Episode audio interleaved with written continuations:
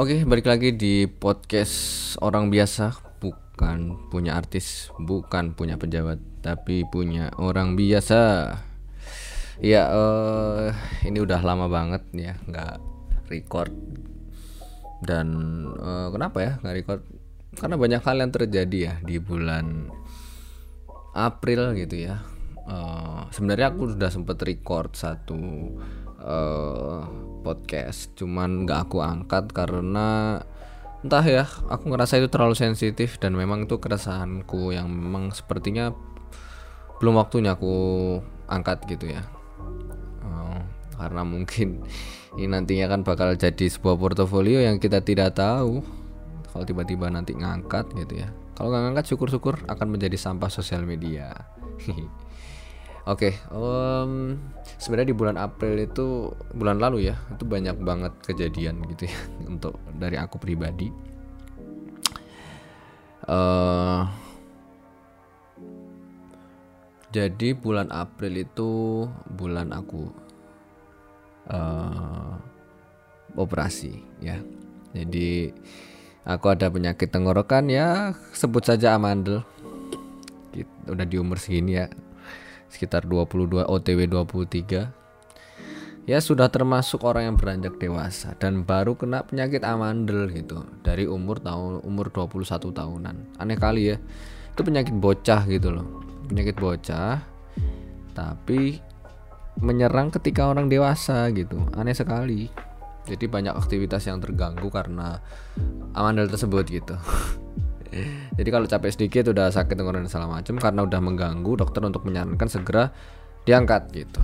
Ya udah akhirnya diangkat tuh. Menariknya aduh ada shopee lagi anjing. Menariknya adalah jadi di hari aku operasi di hari itu juga kota Malang tuh lagi gempa ya.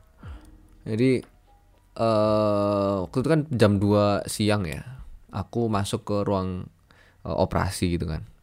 Terus di mana dokter tuh udah mulai persiapan set, set, set, set. terus apanya namanya ngasih tahu eh, hasilnya. Kan kalau di rumah sakit sekarang kan harus apa ya eh, tes rapid dan segala macam untuk memastikan bahwa pasien itu udah sehat dan siap untuk dioperasi ya. Karena dibedah-bedah gitu kan. Dan aku bakal dibius total terus dikasih tahu kan hasilnya bagus dan segala macam terus mulai itu infusnya mulai diganti terus uh, ada alat-alat pokoknya disuntikan ke infus.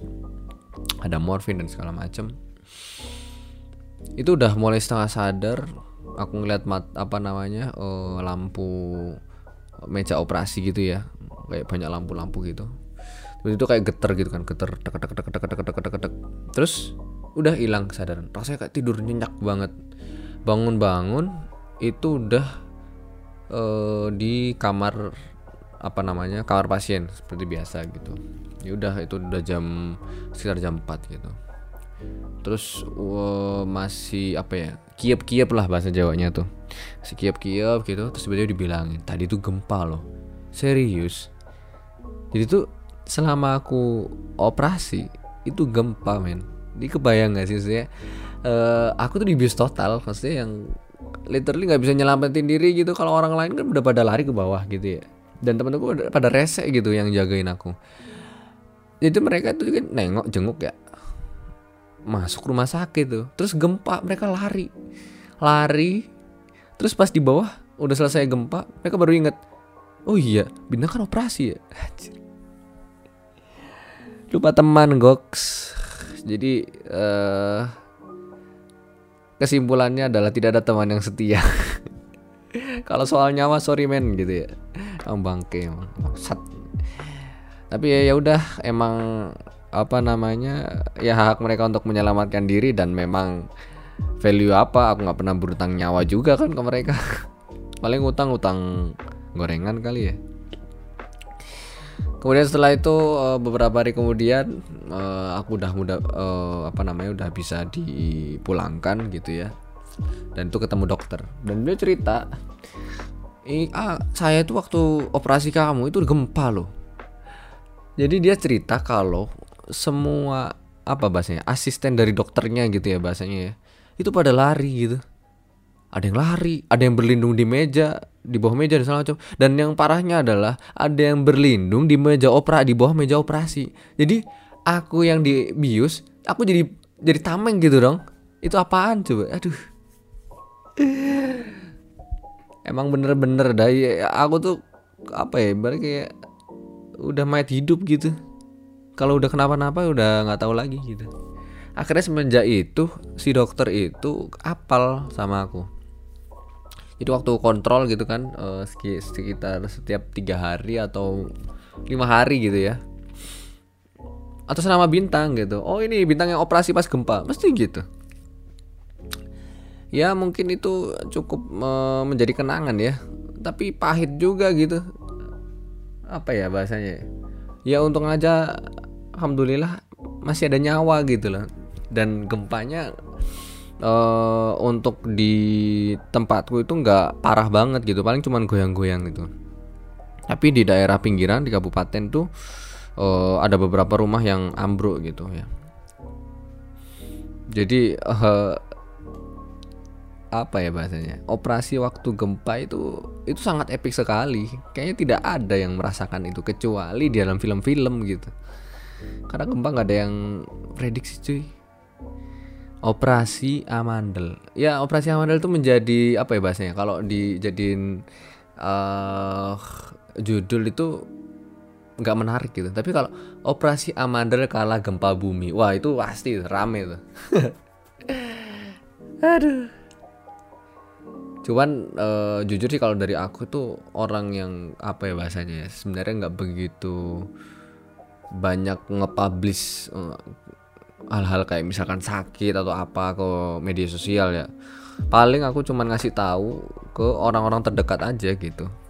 Karena biar ngasih tahu kalau aku sakit nih aku masih hidup nih kali aja mau bantuin gitu. Cuman kalau di sosial media orang mau ngasih apa? Ngasih uh, eh, GWS buat apa gitu. Cuman aku, juga kadang apa bahasanya ya agak heran gitu.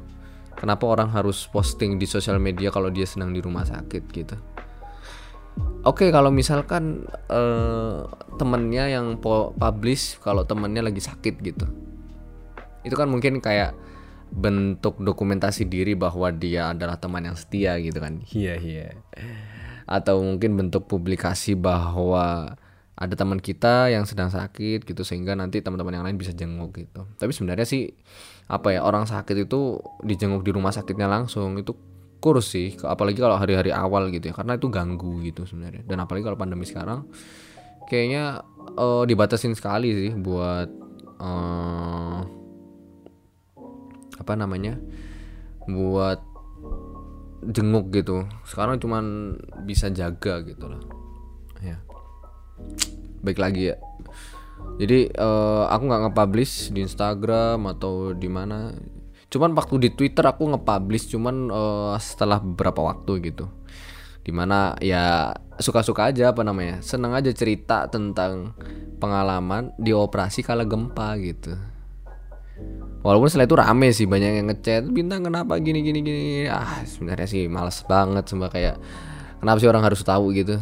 Oke kalau misalkan mau ngasih something gitu. Cuman gimana abis operasi itu kan nggak bisa makan ya. Dan itu udah masuk bulan puasa men jadi jadi tuh nggak puasa tapi nggak bisa makan gitu. Jadi buat apa gitu?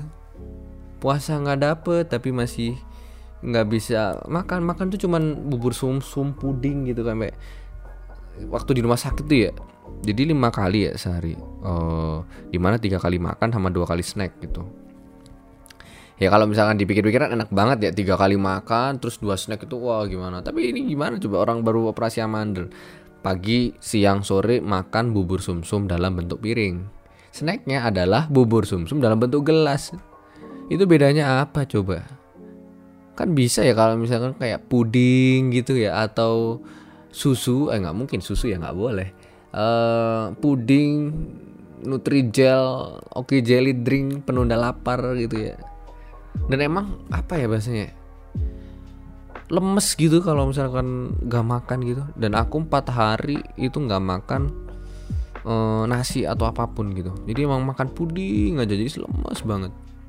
Dan jujur itu berat badanku turun pak. 5 5 kilo 4 kilo gitu. Jadi uh, emang ini operasi yang sangat menarik sekali gitu ya tapi jujur sih uh, jadi ada pembelajaran yang berharga ya. Terutama gini sih. Kita tuh bersyukur ketika sebuah kenikmatan tuh udah diambil gitu loh. Dan paling susah itu adalah syukur ketika barang itu masih ada. Bener gak sih? Jadi uh, waktu apa namanya kita memiliki sesuatu gitu ya sama Tuhan dikasih something yang memang bisa dikatakan ini privilege atau mungkin belum semua orang dapat gitu ya.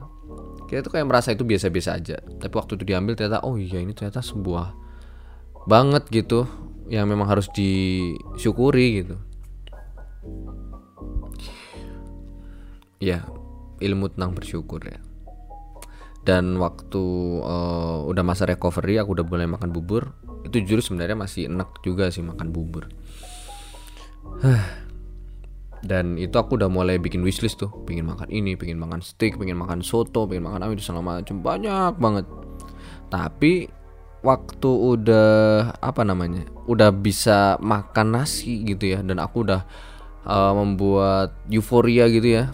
Awal-awal enak saat hari pertama itu kayak yang barbar gitu pengen makan ini makan itu segala macam gitu dan aku ya namanya perut punya kapasitas aku cuman makan dua menu yang jadi wishlist gitu. Sementara kalau salah ada 6 atau 7 wishlist yang ingin aku capai. Tapi setelah besok besoknya udah kayak biasa lagi gitu kayak makan orang biasa. Jadi nggak ada kayak yang kepingin ini kepingin itu kepingin itu. Jadi kayak cuman jadi formalitas gitu loh. Ya aku punya wishlist dan aku harus tepatin itu gitu doang. Nggak nggak sampai yang kayak wah enak banget gitu cuman pernah aku sempet cheating sekali gitu ya. Jadi uh, apa namanya kan akhirnya aku bisa puasa sama dokternya. Yang penting obatnya diminum di tengah malam. Jadi uh, aku minum obat abis maghrib gitu ya jam 6 gitu. Jadi habis makan takjil sama itu minum obat. Terus abis teraweh itu aku nggak tidur. Takutnya nanti aku kebangunnya malah sahur. Jadi aku ba aku harus melek sampai jam 11 jam 12 gitu ya biar untuk um, minum obat. Setelah itu jam 4 itu minum obat lagi. Jadi kan ada tiga kali ya tiga kali. Jadi awalnya uh, dari apa obatnya siang di switch ke malam. Jadi malam itu kan obatnya sesudah makan. Dan aku sangat mengikuti protokol dong. Prokes protokol kesehatan jadi kalau setelah sudah makan ya berarti harus makan. Otomatis malam-malam jam 11 malam aku tuh makan cuy. Jadi kebayang sih jam 11 malam yang kayak udah ngantuk bete gitu kan akhirnya udah jam 11 harus makan gitu. Rasanya kayak buka puasa tapi dipaksakan kan ya udah terus apa aja yang dimakan? Lagi biasanya pol-polan cuma makan lauk doang. Jadi nggak lebih. Kalau nasi kadang iya kadang enggak gitu. Dan aku apa ya sebenarnya kan harusnya makan makan apa namanya ya um, cuma bisa makan bubur ya. Yang di mana aku masih belum boleh makan nasi. Aku cheating tuh sekali. Aku makan perkedel gitu. Itu mau kedel kayak kayak langsung mm, ya allah enak banget gitu. Kayak yang mm, mau meninggal gitu kan. Jadi uh, itu sebuah kenikmatan banget sih. Tapi yang jelas setelah itu rasanya panas banget ya di tenggorokan. Dan memang tenggorokan itu masih kerasa perih banget gitu. Dan rumah lagi renovasi gitu ya jadi banyak debu kerasa juga di tenggorokan. Ya setelah itu aku bisa sehat dan makan seperti biasa. Alhamdulillah. Begitu ya. Terus uh, selain dari operasi ya hmm, jadi sebenarnya gimana ya uh, aku nggak tahu ya kalau bisa kondisi seorang itu bisa sangat berubah-ubah gitu. Aku bisa mengamini bahwa uh, personality orang itu bukan ganda tapi memang sangat dinamis. Maksudnya kita yang sekarang belum tentu kita yang besok belum tentu kita yang dulu gitu. Kan ada lagu aku yang dulu bukan yang sekarang gitu ya. Itu bener gitu. Aku mengamini itu. Karena setiap statement yang hari, ini kita lakukan bisa jadi itu bakal dilawan apa ya dilawan di dicekal. Bukan dicekal ya ditangkis gitu di kemudian hari bahwa statement kita salah oleh diri kita sendiri. Karena uh, manusia itu punya akal punya otak mereka punya proses untuk belajar. Mau nggak mau mereka harus belajar gitu. Ya ibarat kata kayak hari ini um, bayi mau belajar jalan belajar ngomong dia memperhatikan memperhatikan uh, lingkungan sekitar gitu kan ya. Uh, yang jelas akhirnya kita banyak belajar tentang setiap kejadian di hidup kehidupan kita dan otomatis yang kalau misalnya dikatakan idealisme terus apalagi tuh uh, prinsip itu bisa jadi berubah seiringnya keadaan. Karena memang apa bahasanya ya eh, bumi itu berputar maksudnya kita semua bertumbuh dan uh, semua orang menjalani kehidupannya umur makin bertambah beban juga makin berubah gitu ya. Dan orientasi itu makin berubah juga gitu kalau dulu ya jujur. Aku tuh waktu SMA itu ngebet banget yang namanya nikah sempet gitu ya kayak oh apa namanya suka sama cewek terus kayak berangan-angan kayak wah nikah kayak karena pada zaman itu pas aku masih SMA kan zaman-zaman di sosial media itu banyak yang apa ya bahasanya uh, viral nikah muda gitu ya. Dan oh apa namanya nikahnya itu kayak gampang banget sampai ada nikah masal nikah masal gitu kan di Facebook gitu rasanya pengen ikut kayaknya murah tapi malah nanti dibilang murahan. Iya. Yeah. canda. Nah uh, pada masa itu nikah itu kayak rasanya wow banget kayaknya gampang banget gitu. Tapi kalau udah di umur segini wah gila. Banyak banget yang dipertimbangkan dan apa ya jujur kalau dari aku pribadi kayak buat nikah ya. Di tahun 2021 bulan Mei ya. Itu kayak mikir kayak kayak belum deh. Nggak sekarang deh gitu. Banyak hal yang pengen dicapai banyak hal yang pengen dilakukan. Dan memang menarik sih oh apa ya perbincangan soal kamu akan menikah kapan. Cuman lama-lama ya juga bosen juga ya orang nikah apa nggak nanya itu kayak for, format banget kayak kapan nyusul? Kapan uh, apa kapan bintang mau uh, kayak kakak-kakaknya gitu. Tapi sebenarnya buat apa? Emang emang sebuah proses hidup itu kayak balapan. Emang proses hidup itu kayak anak tangga yang sama. Menurut aku proses hidup itu kayak menari di di atas panggung gitu di mana kita lompat ke sana kemari di, dan orang itu punya panggungnya masing-masing gitu. Jadi kalau misalkan mau nikah atau enggaknya ya terserah orangnya keputusan orangnya mau kapan nikahnya keputusan orangnya. Aku ngambil statement dari bukunya Kurniawan Gunadi bahwa menikahlah dengan sadar. Aku setuju banget dengan hal itu dan kayaknya untuk saat ini aku memegang uh, statement itu. Karena gini men uh, ketika kita menikah tapi karena tuntutan orang karena diceng-cengin karena memang dimodalin itu tuh kan akhirnya karena kesadaran orang lain apa ya akhirnya kita itu digerakkan gitu loh. Bukan karena bergerak tergerak atau terpanggil untuk gua nikah nih sekarang gitu. Ya apa namanya? Kalau kayak gitu kan ketika ada sesuatu hal misalkan ada masalah di dalam pernikahan mesti nanti bakal nyalain orang gitu kayak yang wah ini gara-gara orang tua nih dorong-dorong aku nikah jadi gagal nih kayak gini. Wah gara-gara orang gini akhirnya ny nyalain keadaan lain gitu karena memang ngerasanya kayak buat mengevaluasi nggak bisa karena keadaan itu kita diintervensi sama orang lain dan diatur oleh orang lain gitu. Maka dari itu uh, apa bahasanya ada statement yang menarik bahwa usaha itu boleh banget gagal tapi bukan tapi tidak untuk pernikahan. Karena memang uh, itu sekali untuk seumur hidup kalau bisa gitu ya. Kalau nggak bisa ya jangan nikah. Kalau bisa bisa banget ya lebih dari satu mangga gitu. Tapi susahnya poligami adalah banyak istri banyak mertua ya. Satu orang tua aja udah repot. Tuntutannya udah beribu-ribu. Gimana banyak mertua ya? Ya tapi terserah lah ya. Respect aja sih buat orang yang poligami. Balik lagi sih soal pernikahan gitu. Ya menikah dengan sadar itu menurut aku itu statement yang apa ya setuju banget gitu. Apa bahasanya? Ya kalau misalkan memang sadarnya 40 tahun ya ya udah gitu ya kalau mungkin kan ada omongan dari orang lain ya tapi ya gimana gitu. Tapi kalau misalkan dia memang mau nikah lebih muda aku bukannya berarti kayak yang oh, ngata-ngatain. Ya kalau memang dia memang sadar dan dia memang aku sadar aku umur sekian tahun 19 tahun aku menikah ya silahkan. Berarti dia tahu konsekuensinya dia tahu apa yang harus dilakukan ya. Jadi ya cukup menghormati keputusan orang. Nggak perlu ngomongin nggak apa sih kalau dikit. Asik banget emang kalau gibah orang. Iya uh,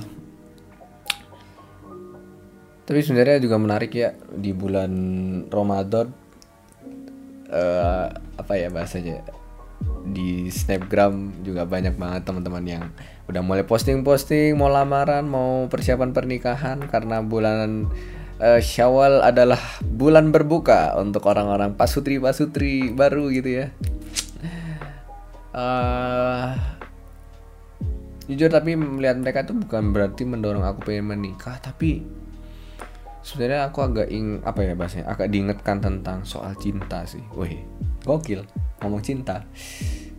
Karena gini sih jujur ya kalau aku uh, hari-hari menjalan eh menjalani hari-hari tuh kayak yang kurang sadar tentang aku cinta dengan siapa siapa yang mencintaiku. Weh dan cinta itu apa? Oh uh,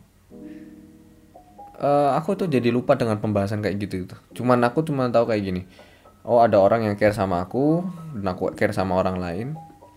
Dan memang karena memang kita sama-sama memiliki kebutuhan dan kita bisa bertukar kebutuhan selesai gitu dia butuh uh, misalkan contoh pendampingan gitu ya. Aku kasih pendampingan ya kayak skripsi dan segala macam terus aku cuma juga butuh pembelajaran tentang uh, bagaimana mendampingi seseorang mentoring uh, sebuah lingkungan ilmiah gitu ya.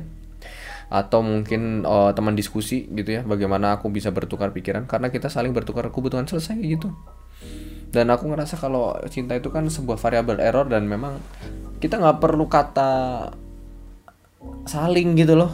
Kita cukup kata memberi aja gitu. Jadi uh, setelah ada orang-orang yang menikah itu aku jadi apa bertanya diri sendiri gimana dengan cintamu? Hei. gimana tentang uh, soal kamu dengan orang yang kamu cintai dan siapa yang kamu cintai? Gitu oke okay, aku aku suka sama orang dan aku mencintai seseorang aku pernah mengungkapkan gitu tapi jarang. Eh bukan jarang ya. Jarang kayak, kayak lebih dari satu kali anjing. Ya kayak maksudnya maksudnya ya aku pernah mengungkapkan tapi sekali doang gitu. Memang ada gitu. Aku tapi akhirnya aku sadar sih di hati itu ya. Ada orang yang aku uh, simpan namanya di hati. Aku ucapkan dengan lisan. Dan ku ketik dalam gombal-gombalan. Iya gak gak, gak. canda sayang.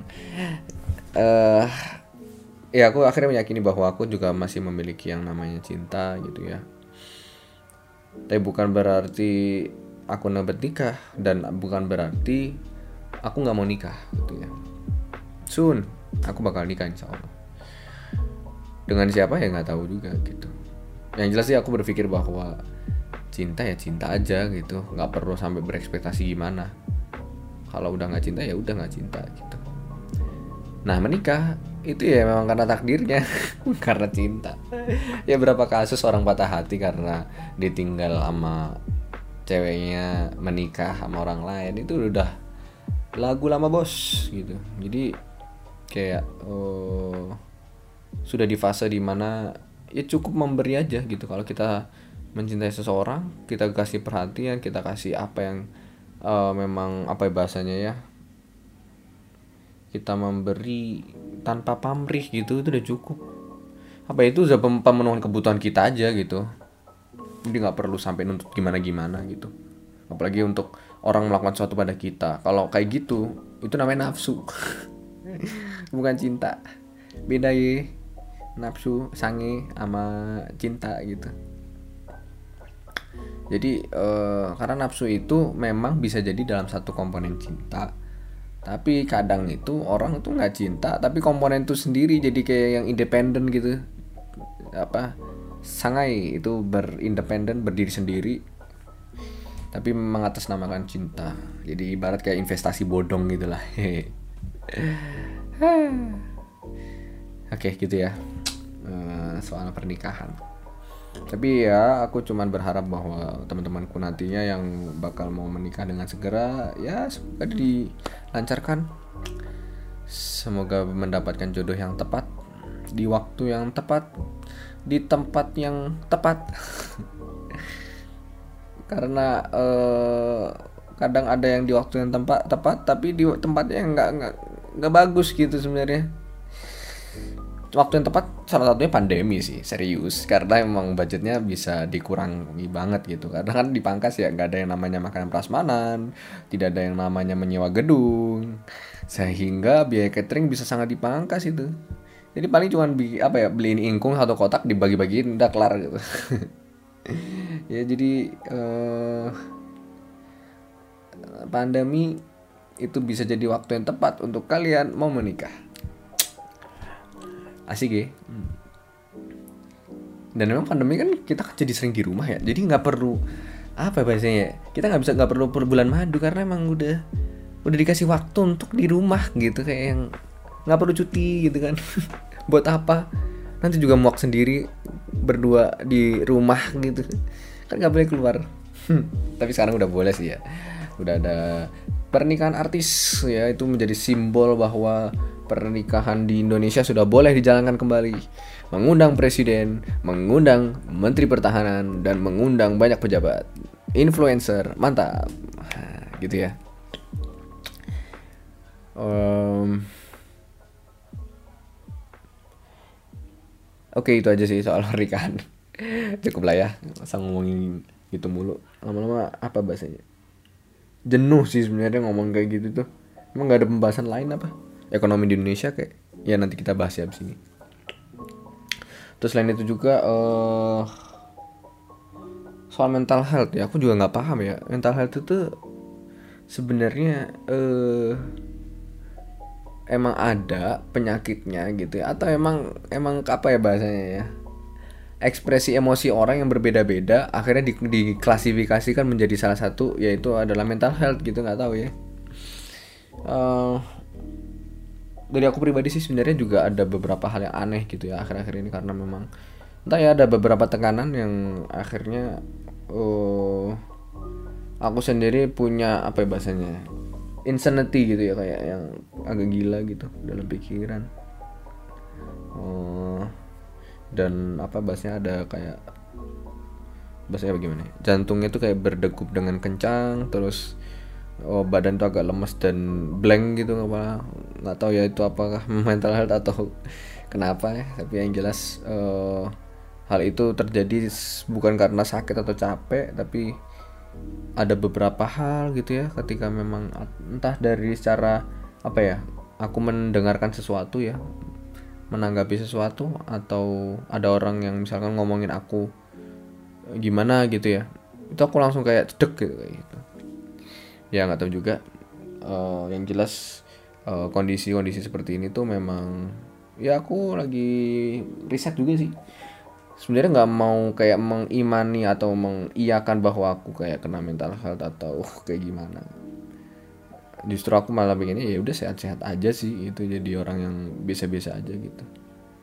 Tapi ya uh, aku juga nggak mau kalau misalkan menjadi orang yang pura-pura tidak apa-apa gitu apa nggak sih? Ya uh, ya aku men lebih suka menjadi pribadi yang jujur sama diri sendiri aja kalau misalkan ya lu sakit ya sakit aja. Kalau lu sehat ya sehat aja gitu. Cuman uh, apa ya?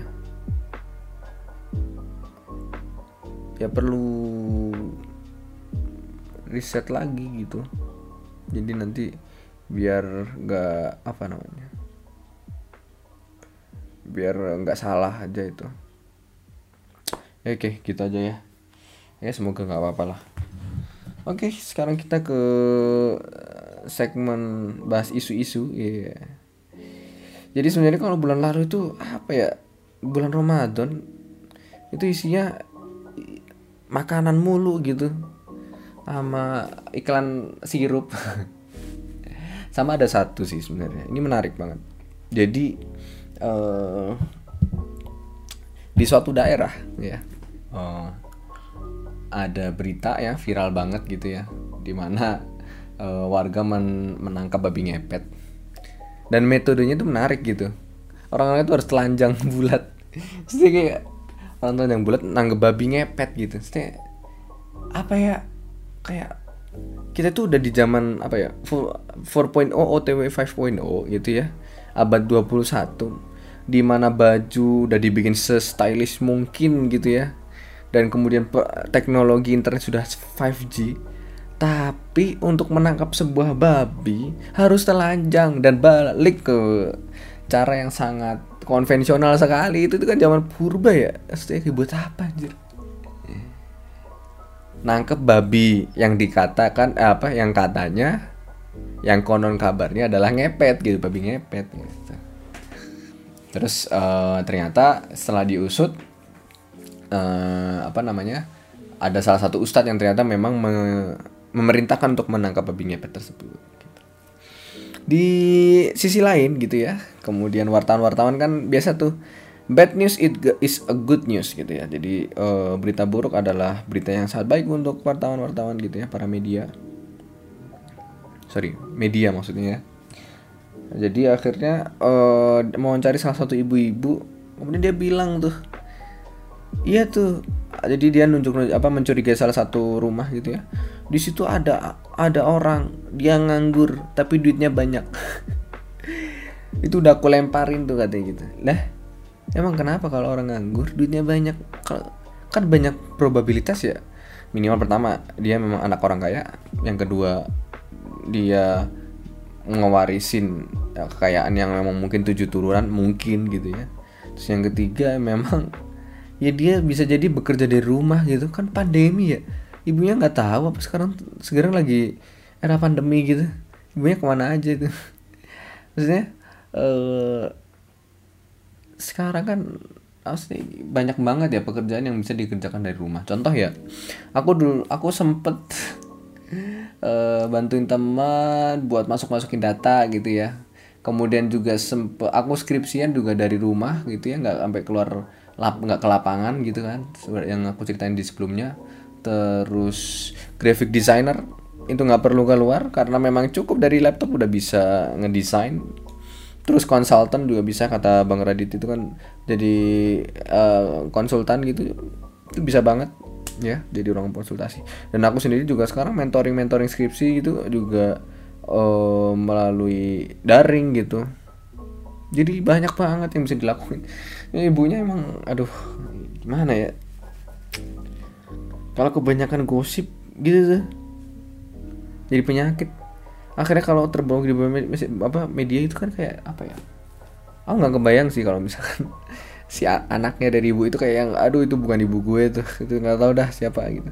Terus nanti anak cucunya itu nenekmu dulu pernah masuk TV tapi gibain orang. Aduh malu banget. Itu malu malunya tujuh turunan. Aduh kayak taruh mana? Nah terus di akhir cerita ternyata si ustadz ini dia berbohong gitu. Ternyata ini adalah sebuah setup. Jadi emang dia beli babi babi kecil gitu yang ngepet. Dan sampai ada forensik gitu loh saya diotopsi itu si babi. Katanya dari gede jadi kecil gitu kan. Aduh secara logis ya nggak logis gitu. Dan ternyata susah apa namanya si orang yang katanya ustadz ini cuman mencari ketenaran ya. Mencari murid untuk ngaji ke dia. Masa nyari murid ngaji pakai metode pendekatan babi ngepet kan aneh banget ya. Dan lagi disuruh telanjang aduh. Itu guru apaan? Jujur ya aku aku kan juga sempat jadi guru ngaji ya. Nggak kepikiran tuh buat nyuruh anak-anak nyari baby ngepet gitu. Aduh. Tapi biarlah. Emang unik-unik ya masyarakat kita gitu. Ya tapi memang kalau misalkan soal ditangkap sih hmm, ya memang harus ditangkap sih ya karena memang menyebarkan berita-berita yang tidak benar gitu. Cuma kalau misalnya di penjara itu itu nggak tahu juga ya emang itu layak atau enggak ya. Ini jelas perlu dibina sih gitu itu. Itu narsis. Narsis itu. Nyari orang menggunakan segala cara dan segala caranya itu bukan kayak beli apa ya bahasanya nggak sepintar serangan fajar gitu loh. Saya kalau serangan fajar kan ngasih duit gitu ya segala macem. Nah ini enggak gitu mungkin karena nggak punya duit akhirnya belinya babi. Tapi masih beli bisa beli, beli babi ya gimana ya? Nggak tahu deh. Mungkin sama aja serangan fajar sama beli babi ngepet ya sama kayaknya. Gitu ya jadi uh, yang jelas apa bahasanya? Dalam menyerap sebuah informasi itu memang harus ada tahap-tahapannya ya jadi ada bahasanya dari fakta-fakta yang ada di lapangan kita serap menjadi data terus data itu nanti di diolah difilter menjadi informasi gitu. Dan di informa dari informasi itu pun nggak bisa langsung ditelan mentah-mentah ya kita maknai dulu akhirnya menjadi sebuah pengetahuan yang di mana akhirnya itu bisa bisa kredibel untuk disampaikan gitu. Ini ya makanya nggak tiba-tiba ada ngomong babi ngepet tangkep pakai telanjang terus langsung ditangkap telanjang gitu. Kan malu ya. Maksudnya kayak dan itu orangnya gak cuma satu ya banyak orang nangkep berame-rame telanjang gak tuh? Malu banget malu banget. Ustaz ini kan kayak Ustaz kita tuh punya um, hidup ya umur mungkin sekitar 60 tahun. Dan portofolio kita pernah telanjang menangkap babi yang katanya ngepet dan ternyata itu bukan babi ngepet babi biasa gitu. Ya ampun itu tuh aduh. Malu nyampe to the bone man. Ya udah deh terserah suka-suka orang-orang ya yang jelas uh, yang soal masalah orang yang nganggur tapi duitnya banyak itu ya kita jangan suudon gitu ya. Karena sekarang itu zaman juga udah mulai bergeser. Nggak semua orang bekerja harus 9 to 5 dan memang nggak semua harus ke kantor. Dan sekarang tuh zaman bukan bersaing materi tapi bersaing bersaing value gitu. Value apa yang bisa kalian kasih ke orang gitu ya? Itu yang bahasanya apa ya? Lebih menjual gitu. Kalau mau kerja ya harus punya value bukan punya apa. Value dan koneksi. Nah itu dia. Ada namanya orang-orang punya privilege. G ya, privilege ya jadi itu memang nggak bisa dihindarkan uh, seperti itu. Ya mungkin itu ya uh, podcast orang biasa. Soal menggerutu menggerutu semoga ini bisa uh, upload-upload lagi ya. Dan memang uh, aku sekarang lagi coba setup ya. Jadi emang ini uh, kamarnya aku aku matiin lampunya, terus aku nyalain ring light. Dan rencananya sih aku mau record ready ada apa namanya video dan mau bikin apa ya bahasanya podcast di platform Instagram dan Spotify tapi beda gitu ya nggak cuma di sini tapi nanti di akun asliku gitu ya biar apa ya ya biar bisa disebarluaskan ke orang gitu. Dan memang topiknya nggak kayak gini sih maksudnya topiknya lebih terjaga dan terkontrol gitu. Oke mungkin itu aja. Uh, sampai jumpa di podcast berikutnya. Stay safe guys.